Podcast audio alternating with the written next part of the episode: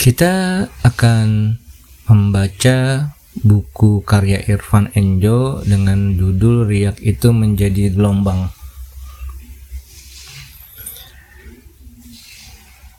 Buku ini adalah buku refleksi penulis dalam merekam perjalanan berdirinya Partai Gelora Indonesia yang punya tujuh tema.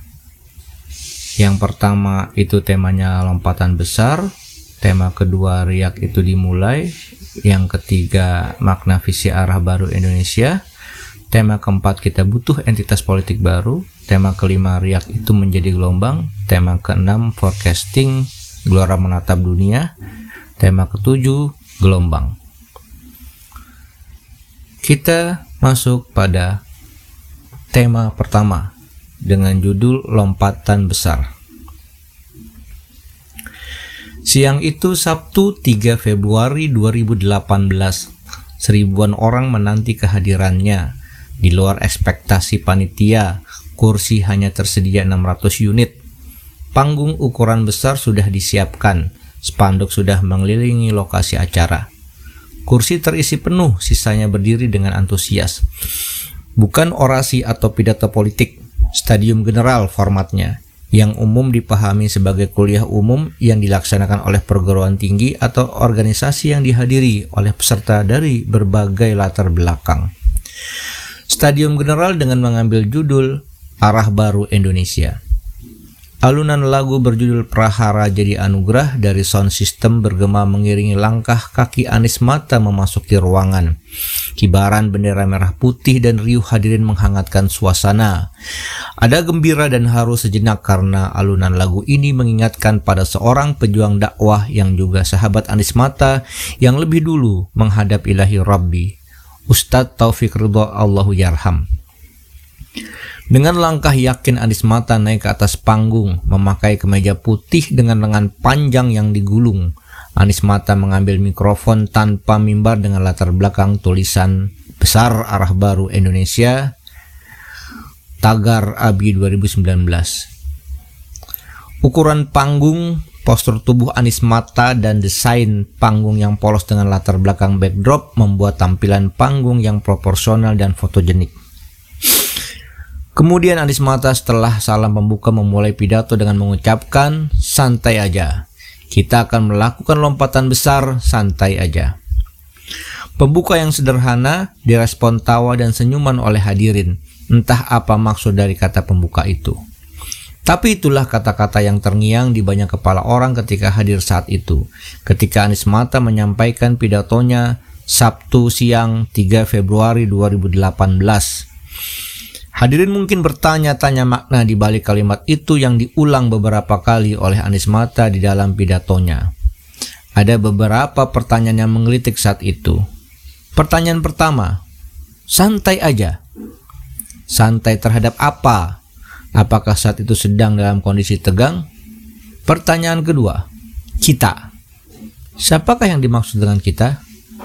Dan pertanyaan ketiga, akan melakukan lompatan besar apa yang dimaksud lompatan besar, bagaimana melakukannya, kapan melakukannya. Kita maknanya jamak, kolektif atau kumpulan, melakukan maknanya amal atau kerja konkret. Lompatan maknanya move on, naik kelas atau ke tempat yang lebih tinggi. Besar maknanya sesuatu yang menarik, lebih baik dan punya daya tampung yang besar. Kita maknanya bisa kumpulan baru atau entitas baru yang didasari afiliasi atas ide, gagasan, dan narasi baru. Bisa jadi murni baru atau sebuah hasil evaluasi perjalanan yang kemudian dikompilasi dan di-adjustment menjadi sesuatu yang baru. Modifikasi, kreasi, dan brand yang baru, tetapi prinsipnya ada pada afiliasi value yang tercermin dalam ide, gagasan, dan narasi.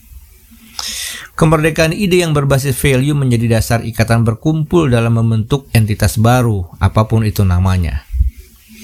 Melakukan adalah sebuah kerja, bukan sekedar kerja, tetapi kerja dengan dasar pengetahuan yang kuat, arah yang jelas, serta manajemen yang profesional dan terbuka.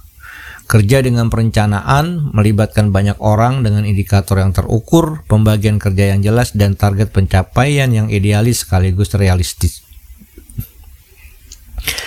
Melakukan adalah kata kerja, bukan kerja serabutan, tetapi kerja yang berkesinambungan. Jadi ketika melakukan lompatan besar, maka ini nantinya adalah lompatan dengan pengetahuan yang kuat, arah yang jelas, manajemen profesional, terukur, dan berkesinambungan. Lompatan adalah naik kelas menuju tempat yang lebih tinggi, move on dari masa lalu yang suram, atau bisa melakukan evaluasi menyeluruh terhadap kesalahan-kesalahan masa lalu. Lompatan adalah sesuatu yang lebih tinggi, lebih baik, uji potensi dan kekuatan, tes kemampuan dan pengetahuan. Lompatan adalah keniscayaan untuk prestasi yang lebih baik, keniscayaan untuk menjadi lebih menjadi mencapai puncak. Tanpa melompat, cita-cita tinggi tak akan tercapai. Lompatan adalah semangat kompetisi, semangat fastabiqul khairat, semangat untuk berlomba mencari kebaikan-kebaikan. Tanpa lompatan, posisi akan menjadi stagnan, rata-rata air, bahkan tanpa lompatan situasi menjadi diam, beku dan mengarah pada titik bosan. Lompatan bisa juga bermakna mengeksplorasi tenaga, mengelaborasi semua pengetahuan dan sekaligus mengukur ketinggian. Takut melompat berarti juga sikap jiwa tidak percaya diri akan potensi dan kemampuan sendiri. Lompatan bisa juga bermakna eksistensi, menunjukkan kemampuan dan tampil di tengah publik dan pada titik lain juga siap dievaluasi publik.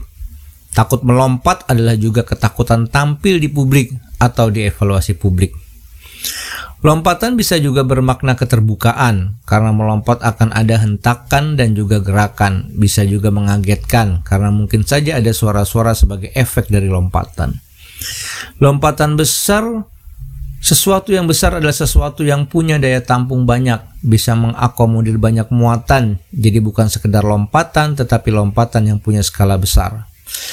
Besar maknanya bisa juga bermakna banyak berkontribusi, banyak menghasilkan manfaat sekaligus produktif baik dalam kualitas maupun kuantitas.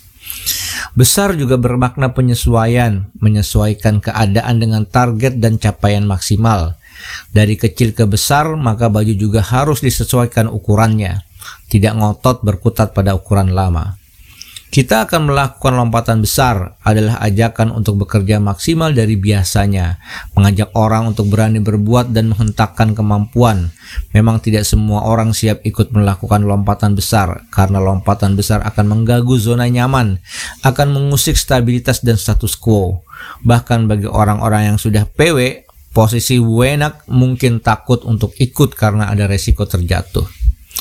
Tetapi situasi saat itu adalah situasi yang sudah tidak memungkinkan lagi untuk kita tidak melompat. Dunia sudah begitu berubah dan sangat kompetitif. Tidak mungkin bertahan tanpa melakukan lompatan besar.